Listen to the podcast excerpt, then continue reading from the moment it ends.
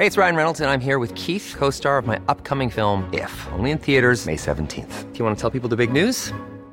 All right, I'll do it. Sign up now and you'll get unlimited for $15 a month in six months of Paramount Plus Essential Plan on us. Mintmobile.com slash switch. Upfront payment of $45 equivalent to $15 per month. Unlimited over 40 gigabytes per month. Face lower speeds. Videos at 480p. Active Mint customers by 531.24 get six months of Paramount Plus Essential Plan. Auto renews after six months. Offer ends May 31st, 2024. Separate Paramount Plus registration required. Terms and conditions apply if rated PG.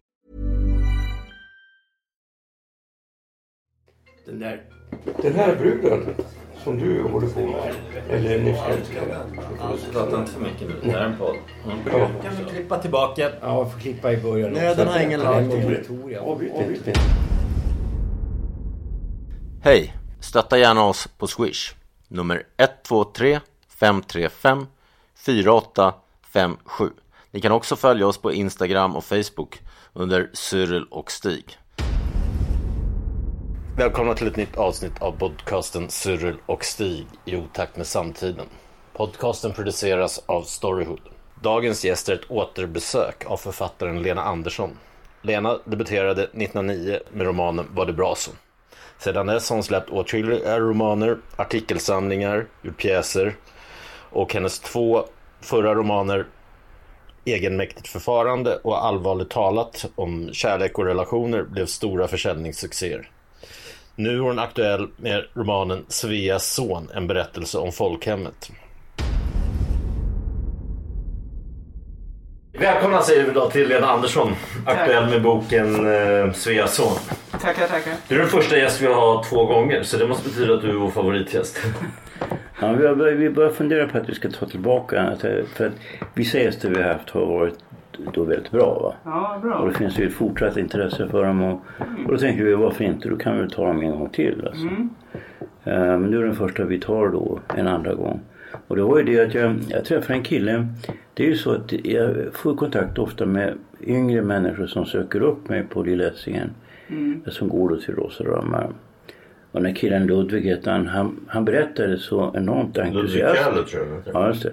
Han berättade så enormt entusiastiskt om den här Sveason och sa att det var den tveklöst främsta romanen, svenska romanen under 2000-talet. Oj. Och då tänkte jag, men oj, då måste jag verkligen läsa den. För jag hade tänkt läsa den. Ja. Men att jag hade ju inte kommit för att göra den. För att den hade ju inte blivit så här väldigt uppmärksammad. Men när jag läste den så förstod jag då plötsligt varför. Och det är ju så, om man tittar på dina två förra böcker. Så går det inte att komma ifrån att även om jag tycker att de är bra. Så eh, hovar du in en hel del pluspoäng på grund av att du står på kvinnans sida i det här. Helt och hållet. Ja, ja. Och det gör då att, att man kan liksom inte, man måste liksom räkna bort det också. Mm, mm. Det här är ju snarare tvärtom. Du sa till mig innan du kom in, innan vi började här att jag borde göra någonting i stil med Houellebecq. Men det här är någonting nästan som du gör i stil med Houellebecq. Men jag tror inte du riktigt förstår eh, hur provocerande det är. För du är en person som absolut inte vill provocera. Det är inte jag heller. Folk tror att jag vill provocera. Jag vill att folk ska tycka att jag är smart. Så här, va? Inte att jag ska Jag har provocera. provocerat sen dagis. Ja men det är du det. Du, du, är barn, du, är mycket, du är mycket barnsligare än vad jag är. Men, men alltså, nej. Men det här är ju provocerande därför att du skriver ju saker här som man absolut inte får skriva. Och ingen annan än du skulle kunna komma undan med det. Vad menar du då? Eh, jag skri, alltså, vissa av de här åsikterna som Ragnar har får ju inte tryckas. Nej. Och eh, hade jag, alltså jag hade ju enorma problem då när jag skulle ge ut min förra bok på Bonniers. Ja, den här om eh, ö. ö. Ja, ön, ja. mm. Och eh, jag har ju då vänner som är oerhört kända och betydande författare. Eh, som tillhör den så kallade eliten i Sverige. Som inte heller kan ges ut. På grund av att de har åsikter som helt enkelt är förgripliga på något sätt. Va? En sån situation har vi ju inte haft i Sverige egentligen sedan Nej. 40-talet eller Det, något sånt. det tänkte jag absolut inte. Jag tyckte att de åsikterna som jag tror Stig syftar på. Du skildrar ju alltså som man tänkte genom decennier. Alltså skulle jag jämföra med någon bok Alltså med, med någon annan bok. Så, eller, jag, jag tänkte lite på Jan Guillous senaste böcker, den här nya sviten. Att det, det, och det ser jag som något positivt för att det, det är väl det mest välskrivna Jan har gjort. Jag kommer ihåg att han sa till mig precis när, när jag träffade honom där inför brobyggarna. Nu har jag gjort ett riktigt romanbygge som Thomas Ja, fast jag tycker nog att det är just brobyggena som är riktigt bra. Ja. Första.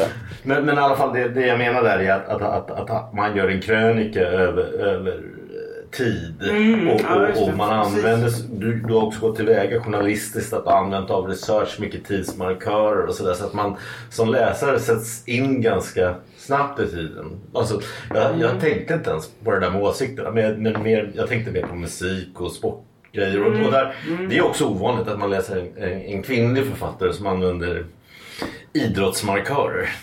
Så Ja, men ja, verkligen. Så är, så är det ju. Nej, men alltså, det, det, är ju, det är ju framförallt att han vill vara normal.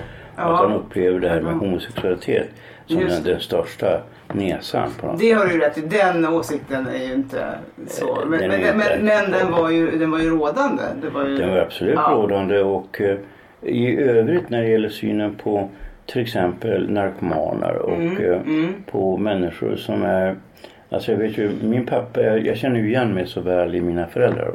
Mm, Eh, och eh, eftersom jag kommer då från Ja, för min pappa var byggjobbare och sen blev han då köpman helt enkelt, sålde leksaker. Men eh, han hade ju då de här gamla arbetarklassvärderingarna och farfar var ju fackföreningsman och sådär. Och, eh, och de var ju väldigt, de var ju som väldigt ideologiska. Va? Och eh, hade den här synen också på vänstern. Att de, upp, de, de hade en väldigt konstig syn på vänstern som jag minns mycket väl. För det här var precis innan jag själv gick med i, vänstern. 1968 var jag alltså, du vet maj 68 var jag 12 skulle fylla 13. Och, eh, och då vet jag att då byggde vi sommarstugan och så det var fullt av, man gjorde arbetsbyten så det var fullt av byggjobbare eh, i stugan. Vi tittade på svartvit TV. Och de var ju så fruktansvärt upprörda på studenterna. Som, Ja. eh, som skulle göra uppror. När de då får studera.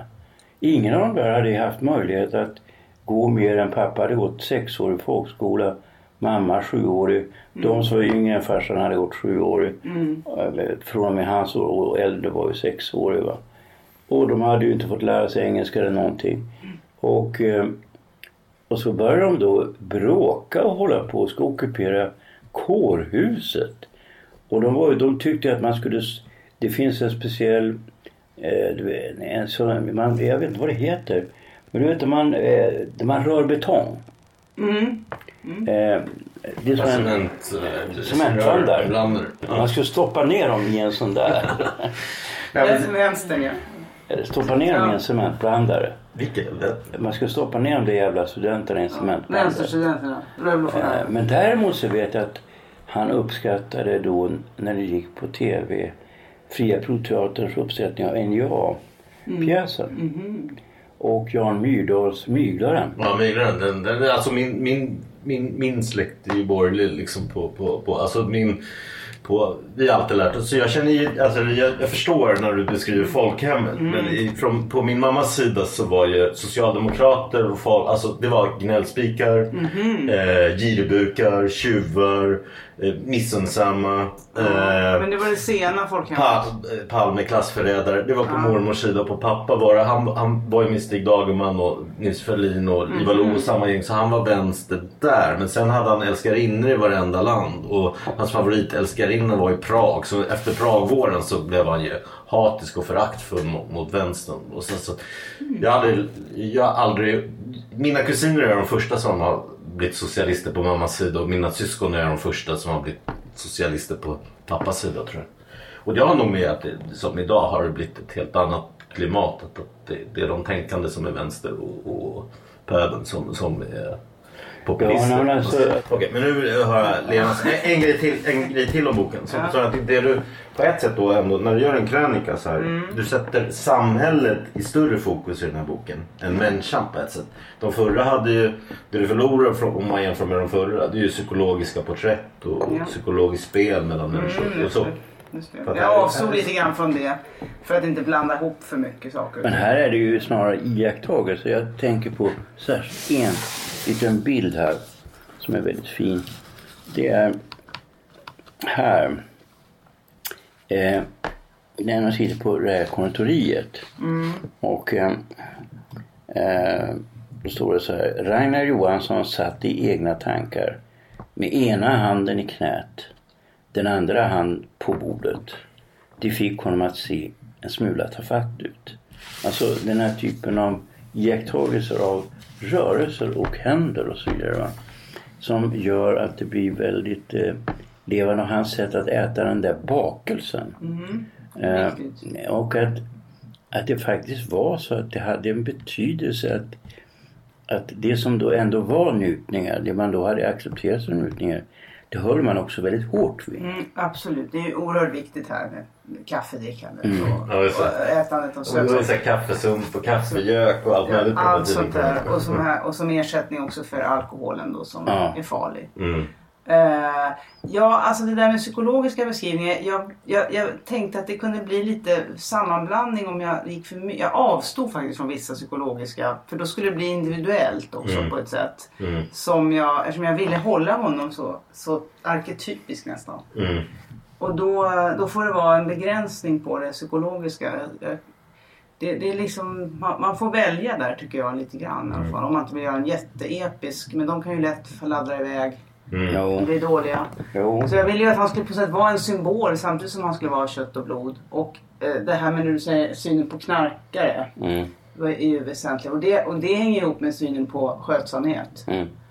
Och att man inte kan lägga sitt öde i andras händer. Och att man, andra ska inte sopa upp spillrorna efter en och sånt där. Så det, var ju, det är en ganska sträng moralisk hållning som präglar den här tiden som jag skriver om. Jo, Hur gick det, vänta, eh, bara, Eh, hur gick du tillväga? Jag tycker också att du, det, det är också styr- styrka med boken att du fångar språket från varje decennium du går igenom. Alltså läser du författare eller gick du, rullar du film på KB som jag brukar göra när jag går tillbaka? Eller, eller? Där har jag nog, där har jag nog eh, i mig alltså det jag redan har läst tror jag. Ah, okej. Och det jag redan har hört av, av Mm. de olika generationerna hur de Ja. talar. Så att jag, jag, jag, jag gör ju sällan research när jag skriver roman. Eller nästan, väldigt lite. Utan jag, jag tar det jag kan redan. Ja. mm. För det, då blir det bäst eh, balans och proportioner. Jag frågar till innan Stig kommer in.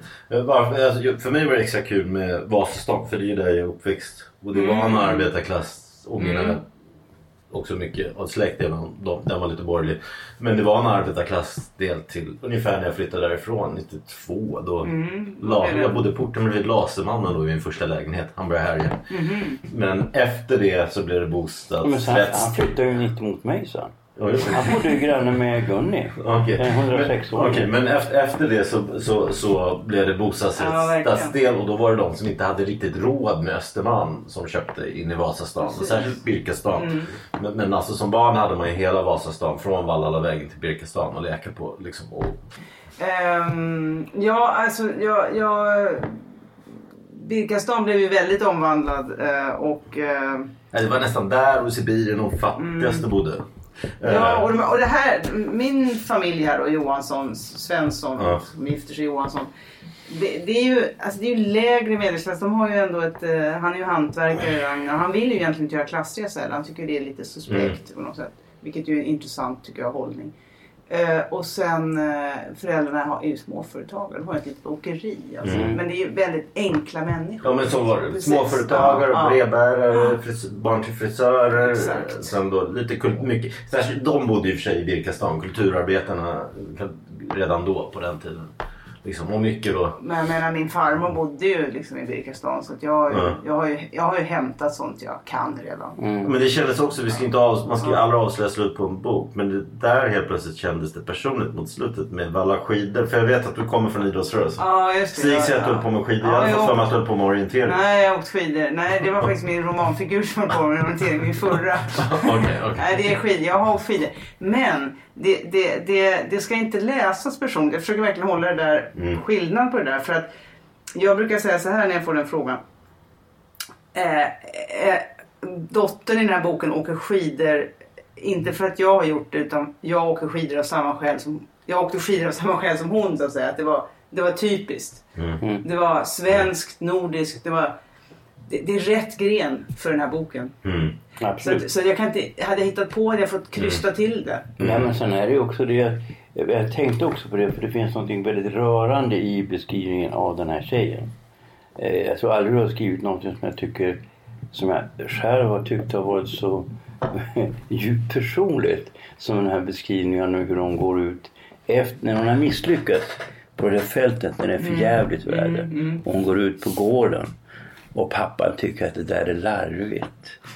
Då blir man så Det är inställsamt, ja. Det är inställsamt. Då tycker man, nej men fan, man kan ge henne det va. Gör det nu. Och, eh, Jo men sånt, det var ju sånt också man i din familj föraktade sossarna för lite. Det där. eh, Tro inte att du är något och rätt, och rätta in det ledet och, och sånt. Ja, liksom. så visst. Det vill jag ju skildra här. För det här ska ju vara just det här. Så jag fick, nog, jag, fick, jag fick nog ett väldigt, jag fick dålig självkänsla för att det var dålig anknytning på, hos båda mina föräldrar, alltså till barn. Men, men, och andra grejer. Men däremot fick jag nog ett ganska bra självförtroende. Att du, kan liksom förverkliga, du ska inte tvärtom. Ja, du ska det. inte rätta in det ledet. Nej, här är det ju att man, det enda Ragnar hoppas på är att barnen ska bli normala. Eh, och, och, och man ska inte hålla på och drömma. För det är någon sån här liberal utopi att alla kan bli vad som helst. Det är inte troligt. Normalfördelningskurvan gäller. Men, men, men vad ville du säga med den här? För, för på något sätt, alltså, du kom från Rinkeby va? Eller Ja, var Tensta. uppväxt? Tensta Ja. uppväxt? Ja.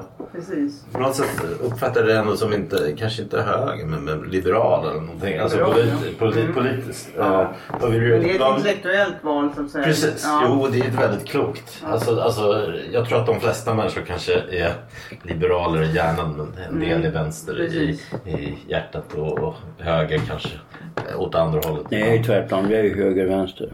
Det är höger-vänster. Jag är höger-vänster. Ja, det Jag är konservativ vänster. ja, det stämmer. Ja, men, nu pratar du om dig, jag pratar om de flesta människor. Ja. Ja, men alltså, så Eh, nej, men varför jag ville skriva det, eh, den här det var ju för att jag... Jag vet inte, jag tyckte det. Vill du ha bokslut Ja, den tid tänk, som har tänk, varit? tänkte just säga bokslut. Ja. Eh, det- vi behöver, det här är slut, den här epoken. Mm. Titta på den, mm, stänga om den och eh, se vad det var.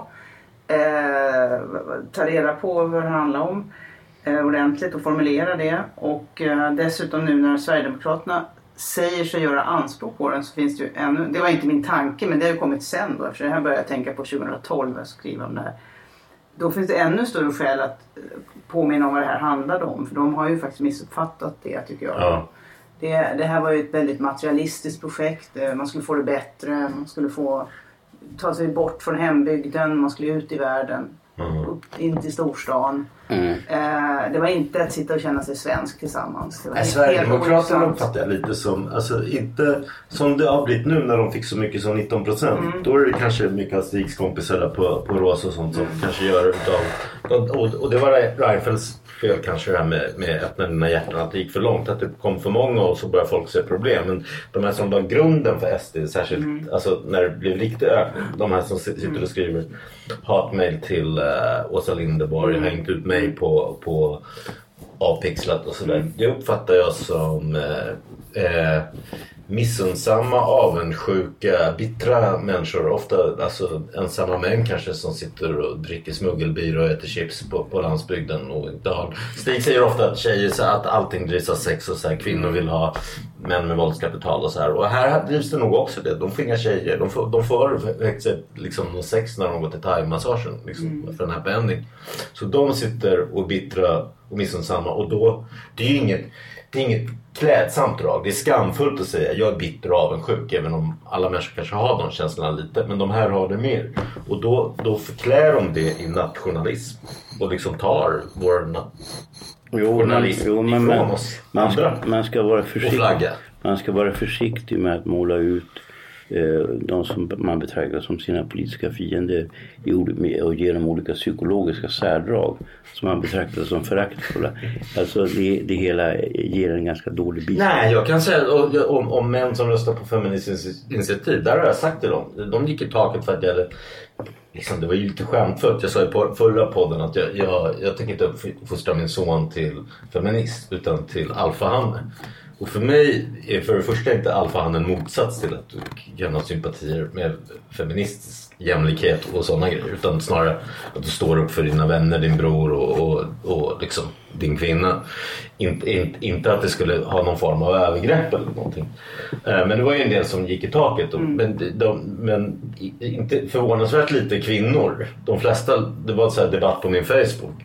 Och det var några som blev lite rabiata men, och försökte med härskartekniker. Men framförallt massor med ex till mig gick och, och, och och förgörde dem i, de, i den där debatten. Men det var några män, just här feministiska sofomän som då blev, också körde härskartekniker. Och då sa jag att sluta se, känn skam. Jag tror att de här, de här männen, identitetspolitik, vänstern och Feministiskt initiativ, de känner skam. Det är män med skam och skuld. Eh, och jag menar så här typ Ja, kvinnor blev dåligt behandlade för 50 till 100 år sedan. Men du behöver inte känna skam för det om du inte har behandlat själv kvinnor illa. Eh, och du behöver inte känna skam och skuld för att kung Leopold behandlade svarta illa i, eller gjorde massmord i Kongo för 100 år sedan. Nej, det verkar ju... Alltså, hela den där... Om jag ska göra ett psykologiskt porträtt, de är. Ja, Hela idén att man överhuvudtaget skulle känna skam över det som någon annan har gjort för länge sedan. Alltså jag tycker, jag skulle gå ännu längre och säga att det är fel på något sätt.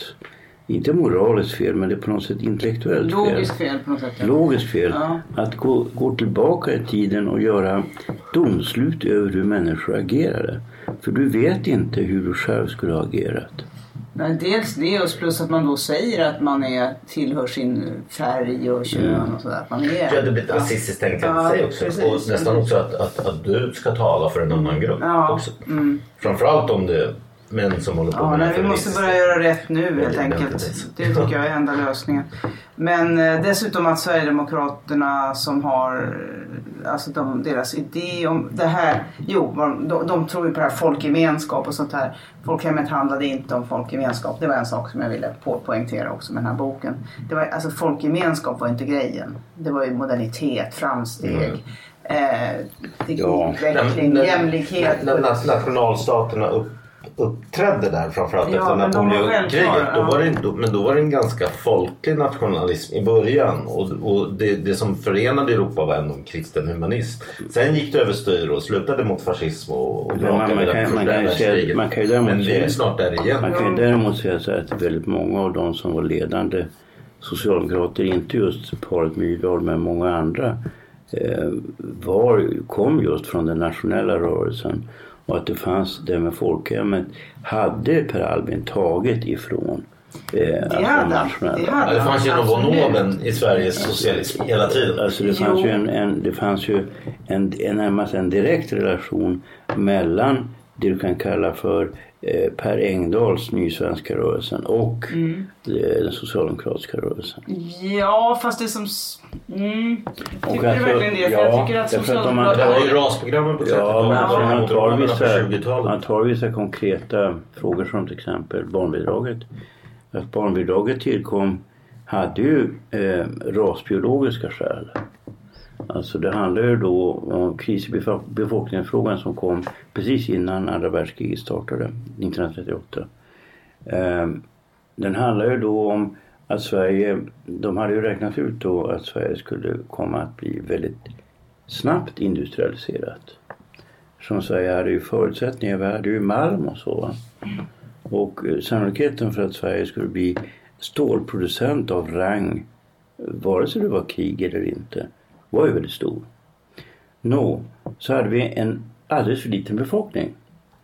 Eh, och då var ju de ledande socialdemokraterna oroade över, de räknade kallt med att vi skulle få en arbetskraftsinvandring förslagsvis från södra Europa. Italien, Jugoslavien resonerade man redan om på 30-talet. Eh, därför att, och Österrike så här typ. Eh, eftersom det var ju då, det var ju eh, liksom oroligt där efter, efter eh, kejsardömet eh, Österrike-Ungerns fall. Va? Och den befolkningen som fanns där nere va, var väl en ganska trolig arbetsinvandring eh, eh till Sverige. Va? Men då var det ju frågan om man skulle behålla den nordiska folkstammen som det hette. Och när du läser till exempel den som är det mest, den som är grövst när det gäller uttrycken. Det är Gunnar Björk, kungens, kung Gustav VI Adolfs livlö, livläkare. När han beskriver då den svenska folkstammen. Men den var ju det var ju faktiskt så att Sverige hade en, en extremt homogen befolkning eh, genetiskt sett. Mm. Det var ju bara Portugal som hade en jämförbart. De, pra- ja, de pratar Och Sverige, Island. det var valloner i Sverige. Det var 5000 valloner i samma Nej, och det var tyskar, inte valloner. Det var, Ja, då var det 500 valloner. Men Ja, det ja, sånt. det var ungefär 500 Men man kan ju valloner. vända på Och det också. 5000 tyskar. Ja. Man kan ju vända på det också att Alva Myrdal eh, som ju hade liksom Alltså hon var ju en rationellt lagd person som kunde ju se konsekvenser av saker och ting och eh, man kan ju säga så här också att när man inför barnbidrag så förstår man att eh, förstår man att det kommer bli väldigt dyrt Mm. med barnbidragen. Då kan folk bara ha två, tre barn. Mm. Skaffa de 10-12 blir det jobbigt alltså. För staten. Mm. Alltså det jag lärde mig när, när, när, när jag pluggade statsvetenskap där för 25 år sedan typ. eh, Det var ju att barnbidraget var Socialdemokraternas gåva till medelklassen. Att, att man genom att... Alltså rent logiskt har Moderaterna rätt att ett, ett, ett, ett barnbidrag ska ju vara behovsprövat. Men, men, men efter de som behöver det. Ja, för jag, alltså, jag, jag växte ju upp med, eller min första flickvän var ju liksom Wallenberg, Wallenbergare och sådana, min dotters mamma. Och, och trä, äh, Träsk och den sfären. Eh, och de satte ju bara in barnbidraget till sina barn på en bankbok. Och vad ska, vad ska Wallenberg och, och Michael Träsk ha barnbidrag till? det men det här det handlade om deras det handlade om, eh, det var ett incitament, eller eh, Socialdemokraterna ville ha ett in, incitament för medelklassen att rösta på Socialdemokraterna och övre medelklassen framförallt. Precis. Alltså då ska barnbidrag gå Ja. till alla. Ja, och så skulle man inte skilja ut fattiga och sådär för det, var, det hade de haft nog av tidigare. Eh, men om man tittar på Ja, det, det finns, där, fanns, där finns ett stort inslag av folkgemenskap. Att man skulle bli ett folk och så här, man skulle ha, dialekterna skulle bort också. fanns ju en ambition. Och skyltarna på bilarna skulle inte... Den kan jag hålla med om. Jag har svårt för gnällbältet. Nej. svårt för skånska. Nej, det är inte sant. Men, Men, det, men, det, men det var ändå, alltså det, men i, i, i, faktisk, eh, i realiteten så blev det ett slags kombination mellan socialdemokrati och liberalism. Alltså en frihetligt eh, pro- projekt där vi blev oberoende eh, av våra släktband och historien och istället li- lierade oss med staten. Mm. Eh, det är ju faktiskt den stora, om man säger, om man säger essensen tycker jag i folkhemmet är det det.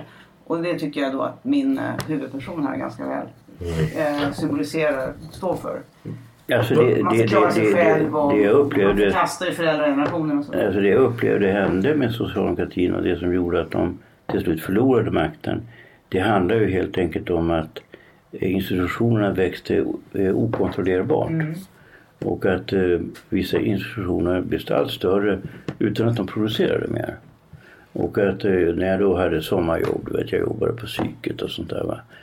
Så var det ju så att de flesta gjorde ingenting. De satt bara och åt rulltårta och drack kaffe. Eh, Alltså det Ja, var, så var det redan på min tid. Jag fick mina första Alltså, alltså det var i slutet på 80-talet. Alla de där tanterna, de gjorde, de gjorde just- inte ett de åt skapande... just rulltårta. Ja, just rulltårta och blev jättetjocka. De gjorde inte Ja, ett skapandes grann. Prinsesstårta om någon fyllde år. Ja, just det. Annars var det rulltårta. Rulltårta är en gammal hederlig Men de, åt det. De åt alltså hela år. Kanske fyra rulltårtor på en dag. Men vad säger du som eh, liberal nu om man ska säga situationen nu? För att, för att nu, nu, nu vill ju, jag tror Annie Lööf framförallt och Löfven, vill- de är beredda på, på koalitionsregering. MP, Socialdemokraterna, Alltså vad, Centern. M, vad MP har i regeringen jag förstår jag inte. Men, ja. Eh, Lib- Liberalerna. Eh, Ja, men det måste ju för, för en majoritet. ja men jag har ju Men- mitt förslag på Ja, ja, regering ska ja, men det vill jag höra sen Ja. också. Men, men, men, bara, men här, idag har vi fått reda på tydligen att... Eh, och, och för mig så, så alltså SD har ju en fascist, fascistisk värdegrund. Och, och Liberalerna, Ja, ligger, liberalerna, liberalerna ligger närmare eh, Socialdemokraterna, särskilt eftersom de utger sig för att vara socialliberala, eh, Socialdemokraterna än fascism. Så, så det vore, och det, de, är för, de är för jämlikhet, de är för ganska öppna gränser. Du vill inte döma ut folk, du, du för homosexualitet. Ja, och, ja. Alltså, Liberalerna har ju väldigt kloka värden på det Mm, sättet. Vilket medan SD har en dömande Mm. syn och egentligen bara en fråga ut med invandrare. Och, och det är väl en sak om man vill begränsa, den har de redan vunnit eftersom de andra partierna har tagit till sig den. Men, men, och 20% av folket tyckte så. Men de har ju också en dömande syn mot afrikaner och Mellanöstern och så. Vilket inte stämmer överens med liberalism. Nej. Så därför, men, men vad som står i tidningen idag att, att, att eh, Liberalernas ledning och de andra i partigruppen de, de är emot Björklund i sådana fall och, och går med Löfven. De går hellre med en koalition med KD och SD. Du menar parti, partimedlemmarna eller Ja, med... ja. Det är spekulationer Eller, eller idag idag. Ja, ja. riksdagsgruppen eller Nej, jag vet inte. Jag kommer medlemmarna. inte ihåg. Nej. Men alltså så här, snarare styrelsen. Ja, för mig är nog partipolitik är jag liksom, så håller jag, förhåller jag mig lite distanserad till. Jag, jag har en rent intellektuellt filosofiskt förhållningssätt till liberalismen kan Ja. säga. Som individuella rättigheter och Precis. frihet. Sådär. Så, att, så att partierna de, de kan man hålla, sig, hålla kort tycker jag. Mm. Hey, I'm Ryan Reynolds. Recently, I asked Mint Mobile's legal team if big wireless companies are allowed to raise prices due to inflation. They said yes. And then when I asked if raising prices technically violates those onerous two year contracts, they said, What the f are you talking about, you insane Hollywood ass? F- So to recap, we're cutting the price of Mint Unlimited from $30 a month to just $15 a month. Give it a try at mintmobile.com slash switch. $45 upfront for three months plus taxes and fees. Promo for new customers for limited time. Unlimited more than 40 gigabytes per month. Slows. Full terms at mintmobile.com. Hey, it's Paige DeSorbo from Giggly Squad. High quality fashion without the price tag. Say hello to Quince. I'm snagging high-end essentials like cozy cashmere sweaters, sleek leather jackets, fine jewelry, and so much more. With Quince being 50 to 80% less than similar brands. And they partner with factories that prioritize safe, ethical, and responsible manufacturing. I love that. Luxury quality within reach. Go to quince.com slash style to get free shipping and 365 day returns on your next order. Quince.com slash style. Men eh, jag tycker vi skulle behöva en majoritetsregering för det första. Alltså faktiskt. Ja, I, i, vilket ser omöjligt inte, en, inte en majoritetsregering som, upp, som gör att vi inte har någon opposition kvar utan en som, där det finns opposition kvar. Eh, jag har ju föreslagit... En opposition är alltid bra för det får Ja, den det andra bli det klokare. måste det alltid finnas. Mm. Jag har föreslagit S, L, M, Socialdemokrater, Liberaler och Moderater. De får en solid majoritet. Och så får de ha... Göra Ja, du menar att man ska stänga ut Annie Lööf? Nej, men hon, nej, hon, hon, jag tror inte hon vill Det var vara en med. ny i den. rokad. Hon vill vara med. Då kan hon, då kan hon sitta och vara jätteädel utanför. Ja, hon vill ha 30 miljoner invandrare. Ja, då kan hon sitta där och klaga på dem utifrån. V kan klaga, MP kan klaga, SD kan klaga. Det blir jättemycket opposition från olika Ja. håll. Och så blir det en regering som blir väldigt eh, beslutsduglig. Ja, det låter, det låter, fa- det Ja. låter faktiskt väldigt realistiskt. Du är klok som en bok. Sen, och så ska då S, L få statsministerposten. För vi ska sluta vara så imponerade av statsministern. Det är, inget, det är bara någon som sköter. Jag, björ, min, jag, snackade, Alltså, jag var faktiskt ute igår med min barndomspolare. Han hade Björklöv som befäl i Kungsängen. Han Ja. att det var det bästa befälen han någonsin har haft. Alltså, Ja. ja. ja visst, varför inte? Sen, sen när jag skrev en artikel om det här då föreslog jag Cecilia Malmström för jag tyckte att... Eh, Men jag tycker KD borde ju få någon plats där också. Han tycker hon är snygg men hon vet inte ens vem som har skrivit Gentleman. Nej, men jag tycker hon, hon gjorde en väldigt bra valrörelse också. Sen är det ju bra med kristna Mm. det gjorde värderingar. hon. Verkligen. Har kristna Eh, värderingar men man kanske inte ska tro att, att vetenskap grundar sig på Gud och allt det där. Nej, men inte vetenskap. Men du menar väl filosofiskt? Ja. Du är ju platonist. Alltså, du... Nej men, jag, nej, men jag, jag tror inte, jag är inte alls... eh, jag, tror- inte på dagen. Nej, okej. Men- Han tror också att kvinnan är från ett revben från mannen. Nej, nej. Jag har för mig att jag frågade dig och då Nej. sa du att du trodde det. Nej, nej. Men alltså däremot så är kvinnan och mannen väldigt olika. Mycket mer olika än vad vi tror. Mm. Du menar statistiskt ja. Ja, men alltså det, det finns, det finns eh, skillnader som vi inte kommer åt därför att vi tror att vi, på grund av att vi båda två kan prata, så tror vi, så identifierar vi oss med varandra djupare än vad vi borde kanske. För skillnaden är större än vad vi tror. Och det där gör att Alltså all, det gäller ju inte alla kvinnor men man måste ju kunna göra en generalisering. Jo, Ja, men exakt. det är biologiska skillnader och det är det som är så sjukt nu med dagens samhällsklimat. Att, att det på Lunds universitet är det tydligen uppror bland kvinnliga läkarstudenter för att de, de är emot kursplanen för att den menar att det är biologiska skillnader mellan män och kvinnor. Jag menar Lund var ett gör- prestige Ja. universitet. Men Man de- borde vara stolt om man, om man kommer in på Alltså- läkarlinjen där. Nu idiotförklarar de där läkarna. Vem vill ha de där Alltså, läkarna? de biologiska skillnaderna de är väl ganska uppenbara så att säga rent eh, organiskt. eh, Jo men för den, är- den är de med på. Den här typen av, Det är de av, med. av, av, av Men, eh, men mental, det frågan, frågan är om det är mentala skillnader. Som är, som är så att säga, men, ja alltså det verkar ju onekligen så. Men det, det kan man ju, Jag- att leva i den här världen får man ju den känslan. Men skillnaderna är ju ganska stora inom gruppen får man ändå komma ihåg. Det måste man, det måste Ja. man ju Men om man säger någon, i någon slags eh, essens så det kanske... finns mer ja. biologiskt än genitalen. Det finns det ju höfter och allt möjligt. Att, Ja, alltså, de är absolut. emot dem, Ja. det är väl det. Ja, okej. Så då, då kanske du inte ska ha på läkarlinjen att göra. Liksom. Det är konstigt då, om du Mm. pluggar till det så. Ja, jag, ty, jag tycker på nog att. Jag tycker nog att man ska behandla, man ska behandla genusvetenskap som man... Det är inte vetenskap, det är i tysk- teori ska du kalla Ja men, Genusteori. ja, men alltså man ska behandla det precis som man behandlade marxism, leninism i Danmark och i förbundsrepubliken. Eh, man strök helt enkelt det. Eh, alla som hade poäng i det, de poängen togs bort. De som professorer i det förlorade sina jobb. Men de, de fick inga andra jobb istället heller. Eh, utan om du är, vi säger att du är genusforskare. Ja, då får du bli taxichaufför precis på samma sätt som du var en Stasi-officer. De som var Stasi-officerare de fick bli taxichaufförer. Nej men det är väl, alltså, alltså, det är väl bra. Alltså genusteorin bygger i grunden på Marx. Att du, att du Nej, nej, nej, grupp. det har ingen- det har ingen- och, och studerar en viss grupp. Det är väl inget fel i Det. Men däremot kan du inte ha det som religion. Nej, men det har ingenting med Marx att göra. Eh, Jo, det Jo, alltså det är samma ja, sätt att se på historiesyn. Och, och det är inget fel. Men du kan köra på rödhåriga i ett visst kvarter. Du kan, du kan liksom köra på alla möjliga. Och det är, det är ju det Marx i, ihåg, kommer alltid vara ihågkommen för i historien. Alltså, alltså politiskt höll det ju inte. Liksom. Det, det, det höll ju inte ens under hans levnad.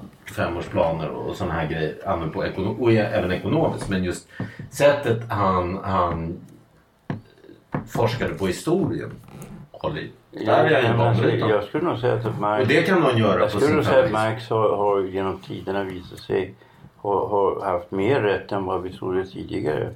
Alltså de återkommande kriserna till exempel. Och väldigt mycket av det han kom fram till var det ganska underligt. Ja, men det tror jag alla kapitalistvänner håller med om. Ja. De är, Jo, alltså de kapitalister som jag har pratat med. Alltså, de, de, de säger ju då att Marx i princip har rätt. Va? Ja. Men, De har ju mest marxistisk men skillnaden, alltså det som vänstern inte förstår enligt de här kapitalisterna. Jag har pratat om med alltså kapitalister på väldigt, väldigt hög nivå. Alltså, eh, alltså internationellt hög nivå. Men de menar då på att eh, den stora skillnaden det är då att vänstern inte förstår de stora eh, skillnaderna, kulturella skillnaderna. Alltså det är en jävla skillnad på tyska arbetare och koreanska arbetare respektive låt oss säga egyptiska arbetare och arbetare i låt oss säga Grekland. Eh, och, och det där är ju de- de som då är kapitalister i egentlig mening. De som eh, investerar kapital. De åker omkring på fabriker och studerar arbetskraften. Alltså en bra arbetskraft som tar...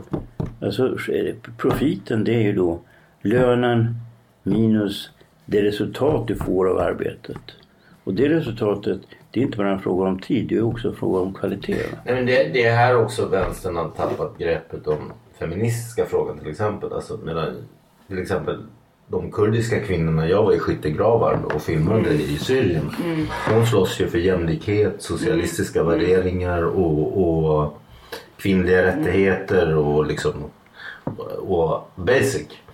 Eh, medans feminismen i Sverige har blivit på något sätt så här, vi har gett dig fingret, nu ska du ha hela handen, nu ska du gå för gräns, nu ska inga män få regissera filmer. nu ska, alltså, det är helt andra frågor på en helt annan nivå. Den feministiska frågan i Sverige. Och, och en, en kvinna som Amina Kakabaveh då, den klokaste i Vänsterpartiet som, som slåss för, mot hedermord och sånt. Hon ska bli utfryst. Jo men det är ju med, alltså, alltså genusvetenskap eller genusteori är ju många saker och framförallt är feminism lite olika saker. Olika, och det, det, nu har allting blivit en slags metoo-rörelse av alltihopa. Men ehm, det, är ju ganska förvirring också kring det här att dels så ska man vara jättemycket kvinna och så ska man bejaka det och samtidigt så finns queer-teorin som på något införlivas i Alltså ska Att det de inte samtidigt finns några vänstern också det här ras... eh, Och att det inte finns några grejen kön. att, att då, och då blir de vågar inte gå mot Mellanöstern heller samtidigt Nej, som de ska vara feministiska. intersektionalitet och så här. Så det, jag tycker att det är ganska hylla, du ska hylla Palestina i Gaza där du har sharia-lagar. Samtidigt ska de gå mot Israel där har jämlika kvinnliga rättigheter. Så, så att det är liksom... Ja, men de är just, soppa. eh, Ja, de bygger, den inte på, bygger den inte på en slags premiss att kvinnor är per definition underordnat förtryckta alltså för att de är kvinnor? Det är väl själva grundpremissen i Ja. genusteorin. Man kan, man, man kan säga så här att jag känner igen vänstern eh, från när jag gick med i FN-rörelsen 1970-71 så är det ju samma vänster som jag i, i- princip tycker väldigt illa om. Som människor. Eh, Den typen av människor tycker jag helt enkelt rakt av illa om. Därför att de är vänster på grund av resentiment. De är vänster på grund av att de inte är särskilt bra.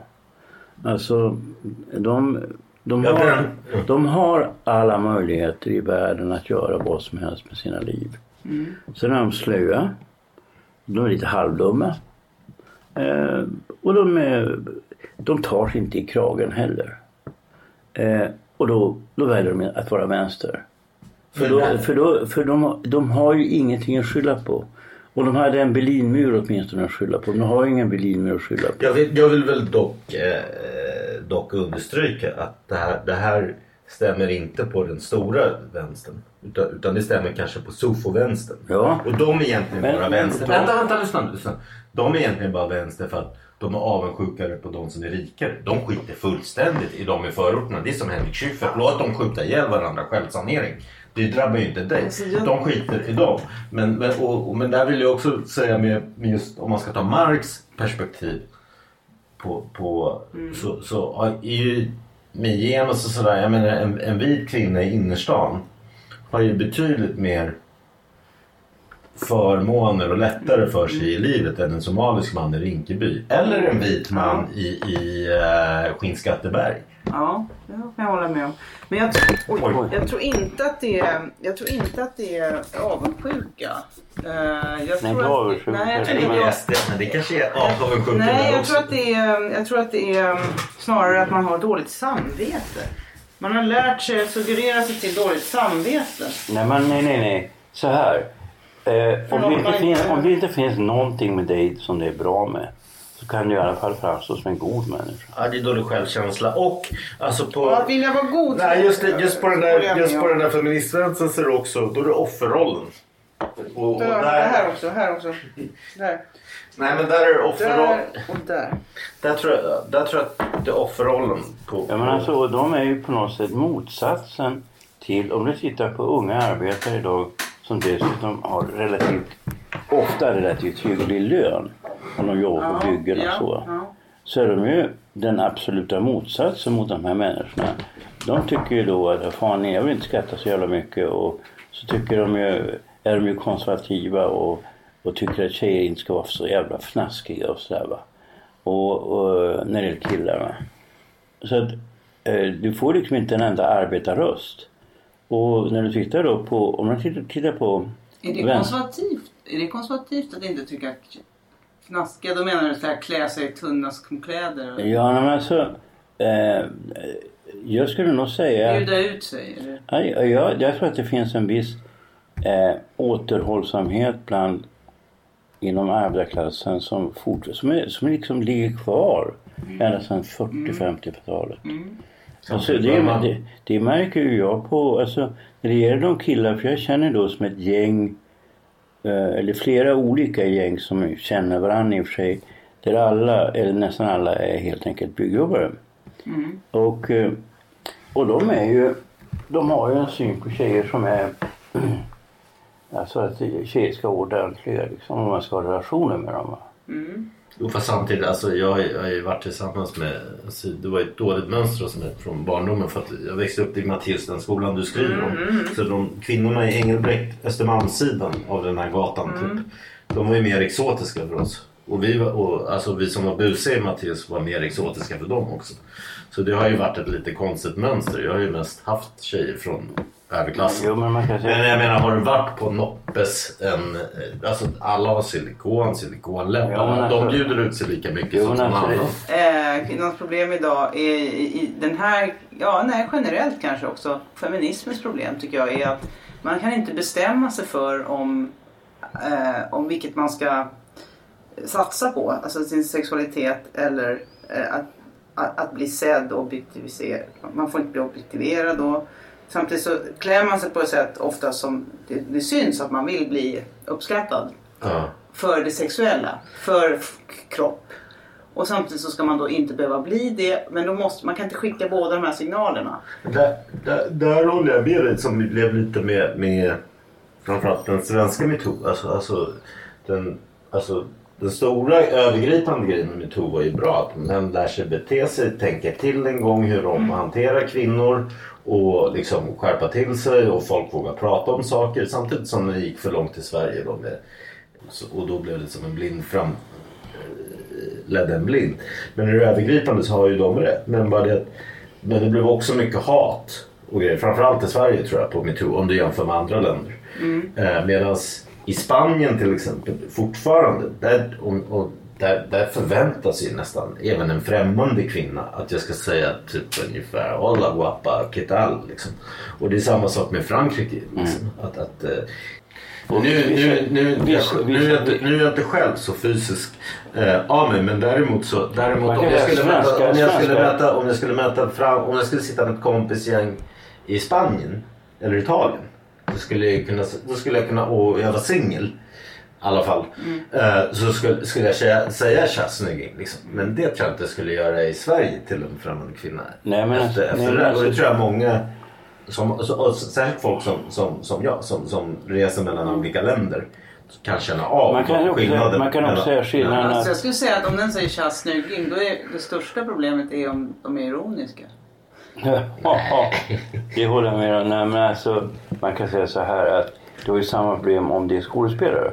För skådespelare har också eh, ett, ett annat eh, gest- gestiskt mönster. De tar på varandra på ett annat sätt. Eh, och därför blir det ju extra besynnerligt med det här metoo bland skådespelare. För där är ju kvinnorna precis likadana. Och jag har ju då ändå jobbat så pass mycket på, på, alltså på Dramaten och gjort filminspelningar. Och jag har aldrig, alltså jag har varit med om vid två tillfällen, då, då avskedade jag också personal. Va? Eh, och, eh, men gjorde jag på en gång. Eh, det måste man göra, du, du är ansvarig, du är chef. För, och det, du är till för att, att allting ska fungera. Det ska inte finnas den typen av emotionella eh, krutdurkar under ytan. va? Nej men jag uppfattar att det där med, med, med tystnadtagning på skådespel. Det var väl också om folk hade betett sig som översittare och sådär liksom. Ja, Ja, jo, men mycket. alltså, Ja. Och men alltså, verbalt eh, Jag förhållningssätt. eh, tafs. Ja men där. alltså, jag förstår inte riktigt eh, liksom vad de- jämför med till exempel ja, men jag, jag förstår inte riktigt vad de är ute efter. Därför att alltså, som regissör så är det din uppgift att få skådespelarna att göra som du säger. Eh, Eller vad? Det kanske är en ny regiskola nu. ja, Exakt. ja, ja, men Jag alltså, tror att det är vad, det vad, ska man är du, ute efter. vad Ja. ska du ha regissören till? Ja, jag Om inte regissören ska bestämma hur det ska se ut. Mm. Men, men om vi tar sådana här konkreta exempel, till exempel eh, Lars von Trier, var det von Trier som blev anklagad för att Ja, han hade krävt att de skulle ha... Alltså då, då, då... Ja, för mig är det ju helt... Eh, alltså, helt otänkbart att jag skulle aldrig... Ja eller vad hette den där regissören som var styrpappa till Så. någon Andrea Edwards vi hade i... Ja, han var ju ganska... Så värdefull skulle ingen roll vara för mig. Nej, men han var ju Men, ganska Det är klart att det är Han krävde ju då att skådespelarna eh, på kollationeringen helt enkelt skulle ta av sig kläderna och onanera. Mm. Eh, Ja men det kanske, det kanske, den... det är att gå till överdrift tycker jag. Mm. Ja, och frågan är då om det är såna, om man kan rensa ut sånt så eh, kan det ju verka Men väldigt Jocke Torka rimligt. var ändå en väldigt bra regissör alltså. Vem? Han hette så, Jocke Torka. Ja, Jocke Torka, ja, ja. är det han? Ja. Eh, jo, men det är klart att det, är, det, det här är ju massa människor som har passat på också i de här branscherna. Jag menar, det var ju, om vi tar såna här människor som jag skriver om i min roman. Det skulle man väl liksom ha väntat sig. Det är där man håller på med sånt. Vill man inte hålla på med sånt ska man inte söka sig till den branschen. Alltså där är det andra spelregler som gäller. Det, det, det, har jag- folk, jag det har väl upplever- folk uppfattat. Ja, men jag Så. upplever inte att det är på det viset att, att till exempel regissörer utnyttjar skådespelerskor. Alltså att det där är någonting som du går tillbaka till Bergman så, ja, så var det på hans tid, det var väldigt länge sedan. Det fanns inga kvinnor på krogen på den tiden. Eh, som det ser ut idag så är det inte så. Alltså det är inte min erfarenhet. Utan det ses som väldigt lågt. Det, har, det, det betraktas som med, ett förakt, med, med förakt.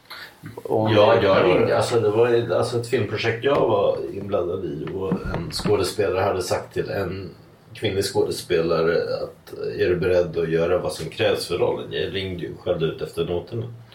Och det blev ett jävla drama för att, för att han nekade och sen var det andra som kanske då hade manipulerat ut honom mot mig, alltså producenter och Ja. sådär. Men, men, men, eh, det är klart att man blev, även jag blev upprörd när jag hörde om det, om det baseras på mitt manus och folk utnyttjar Ja, det för, för, för att ha sex Men med jag skulle kvinnor. också säga att eh, det, det är väl den invändning jag skulle ha mot eh, metoo generellt. Att det framställs som att detta har, alltså, nästan som att våldtäkt och övergrepp har varit något godtagbart. Våld, våldtäkt har ju varit föraktligt i tusentals år. Ja. Eh, det, är ju, det är ju ett av de grövsta eh, Precis. övergreppen eh, som man har hållit i alla kulturer. Och ehm, sen, sen, sen har vi ju flyttat definitionen för vad det här Ja. Det är egentligen det som har hänt. Ja. Och det är det vi borde diskutera. Och jag vet inte om jag tycker den är rimlig alla gånger. Och man kan inte ha en man måste också kunna ha en rationell diskussion om det. Att det, det är inte bara en som känner något. Ena parten känner och den andra Mm. får foga sig. Man måste kunna diskutera vad, vad är det för rimlighet Ja, i de här Överhuvudtaget är det mycket känna i, Ja. i, i, i, Och, och att en parts känslor är viktigare för den är svag. mm. Det, det är min stora invändning. Att, att, det, att, att detta, alltså blir, är man, ger man sig ut för att vara en väldigt svag grupp så kommer man att betraktas som en svag grupp. Och det vill jag inte Jo, göra. men jag tror, jag tror att egentligen så är det här ett... Hela den här reaktionen är ett, ett fenomen som egentligen visar på någonting annat. På en, på en djupare kris. En kris som man kan säga har att göra med hela samhället. Och det är frågan om kärlek. Alltså man glömmer, när man då diskuterar det här med muslimer och det här med terrorism och så. Så tänker man inte på att det verkligen är så att människor väljer att göra självmordsattentat där de själva kommer att dö. Okej, vi säger att de är manipulerade då. Men dock, de har tagit det här valet. Det är ett extremt val, det är det verkligen. Och jag tycker att vi borde ta det på lite större allvar. Uh, hur kan det komma sig att människor tar ett så stort steg? Det måste ju vara så att de upplever den livssituation som de befinner sig i som alldeles outhärdlig. Kan det vara så att det ligger någonting i deras känslor? Kan det vara så att, att vi har vant oss vid att det här med kärlek, det här med relationer är någonting som inte är en realitet utan är någonting som är, är temporärt mer. Va? Eller är det så att, som, om vi tänker oss att mina föräldrar när de träffades då eh, 1954. Eh, om de då skulle se eh, förbi 60-talet, 70-talet, 80-talet så skulle de ju bli helt chockade naturligtvis. Men, Eh, men, och- men och- vänta, nu börjar och- vi komma in på riktigt intressanta saker. Och då kanske det är så att, att, att det är vi som tillhör då den här upplysta delen av intelligensen. Att det är vi som har fel. Men nu kan vi, kan vi, väl- det här är jätteintressant. För att ni pratar om att mina tidigare böcker var tjejiga sa han inte men det handlar om kvinnor. Jag sa lite, men det var lite, jag sa det lite alltså, raljant bara. Jo, att det var, så det handlar om kvinnor. Jag, jag Och det såg, var inget negativt. nej, jag, jag såg det ju aldrig så med dem. Jag såg det ju som ett, jag beskrev ett fenomen som är precis det du beskriver nu. Det är ju, alltså vad de handlar om är nihilism. Mm.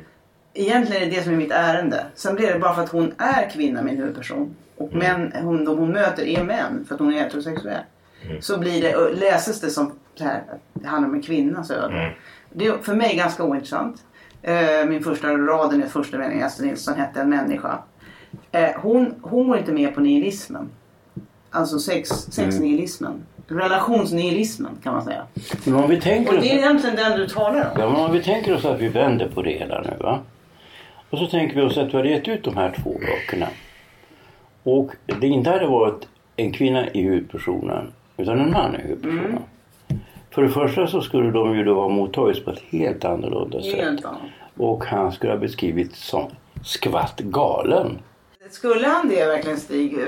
betrakt- För hon har ju blivit betraktad som galen också. Eh, och eh, det är snarare kvinnan som riskerar att bli alltid galen förklarad. Och hon, för hon ska ju inte, hon ska inte föra, hon ska ju inte le, liksom driva. Så att det, är det vanligare att, vanligare att kvinnor nej, men, är nej, men liksom alltså, passiva. det, det, men alltså det är ju så här enligt konventionen och det ligger ju någonting i det. Att kvinnan har lite bättre pejl på hur saker och ting funkar i en relation. Alltså de är bättre på att avläsa. Man tänker sig att det är som olika typer av djur. Och det här är ett djur som har mycket bättre hörsel och syn och alltihopa. Och så är det ett stackars lite klumpigt djur som är lite synd om som heter mannen då. Som, som, är, som, är, som någon måste tolka åt honom nästan. Eh, och då, då blir det ju om då den här kvinnan som man förutsätter. För jag tror att den stora skillnaden är, är din bakgrund va. Det här med skidåkningen. Och att du, de här åren då andra tjejer listar ut allt möjligt och får ett jävla försprång. Och eh, blir ganska odrägliga på grund av att de får mycket makt. Mm. Den makten fick inte du. Och då så hamnar du i en situation som är ganska ovanlig. Framförallt att kombinera den då med en viss typ av intelligens. En lyckad kombination här. Det här är ungefär som vi håller på med kemi här. Vi tar lite fosfor och så tar vi lite sådär. Och så blir det plopp, plopp, plopp. En Lena Andersson-roman. men, men det hela, om du, om du tittar på det utifrån va? Då blir man som en man egentligen. Nej. Jo, utan- lite. Ja, alltså du blir... Fast bedömd som kvinna. Det är det som är Ja, alltså du, du, du kan känna dig precis som mannen känner sig. Men du är en kvinna och då blir alla kvinnor, de blir jättelyckliga. Men de blir det på helt orätta grunder därför att de funkar inte så här själva på det sättet. Och kvinnor är ju... Jag menar att hon skulle vara en tävlingsmänniska på ett annat sätt. Men du tävlade på andra grej, med andra grejer. Han på med andra grejer. Ja. Mm. Och det man kan säga då, det, det Horace brukar framhålla och som jag tycker är helt korrekt. Det är att det som karaktäriserar alla män, det är självöverskattning. Och det som karaktäriserar kvinnor, det är, eh, vad heter det nu? Att låtsas vara finare än vad man är. Vad är det då? Att låtsas... Eh, Jag ser fin i kanten. Nej. Eh, att, man låtsas, att man låtsas att inte alls vara intresserad av sex och sådär. Ah, ja, dyg, dygdighet. Just det, just det. Fredlighet. Just det. Över, just det. Man, man är sedlighet. ett dygdemönster. Ja, ja. Eh, Du har inte rört dig i de kvinnliga kretsarna jag har gjort.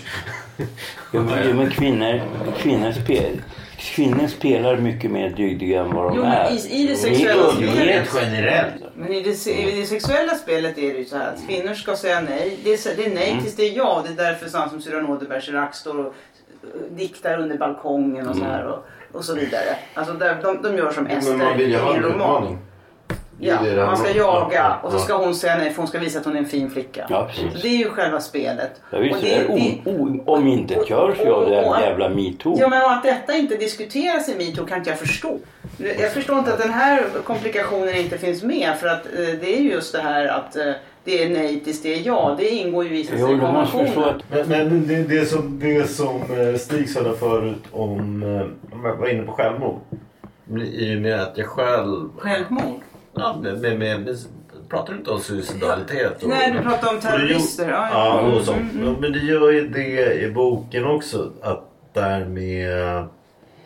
Det är någon som tappar kon- Du skriver så här, att tappa han kontrollen eller gjorde han inte det med, med suicidalitet? I den här Svea? Ja. Eh, Du blandar ihop det med en annan bok. Ja, vänta. Det, det, jag har en diskussion om självmord. Jo, Det det. Man Ja, får inte ta livet av sig. För jag och Richard Günther hade en, en eh, regissör, vi hade en diskussion om det. Och där var vi båda överens om att den som begår självmord, det tapp, handlar inte om att tappa kontrollen. Det, det handlar om att just ta kontroll. Ja. Det finns ingen som är mer beslutsam än den som Ja, tar ja, precis. Och det tror jag med självmordsbombaren också. Jag håller precis på att läsa en väldigt intressant bok nämligen Jan Myrdals kommande bok. Och den handlar Ja, den just delvis. Ja, jag har också det. läst den. Mm. Ja, den, är, den är bra. Det är väldigt bra. Mm, intressant. Men nu tycker jag att det slutar. Det andra anståndet. Ett andra anstånd. Ett annat Ja, anstånd. precis. ett, ett utmärkt slut. Ja. Sen vill jag bara påminna om att näst ve- sista veckan i november ser ut som kommer vi bjuda in alla våra tidigare gäster, några vänner och lotta ut 10 biljetter till våra lyssnare eh, till drink och mat på Eriksbergs festvåning och catering på Eriksbergsgatan. Allt man behöver göra är att svara på två frågor. Vad heter Stigs debutroman och vad heter min debutroman? Maila in svaren till cyrilochstig.gmail.com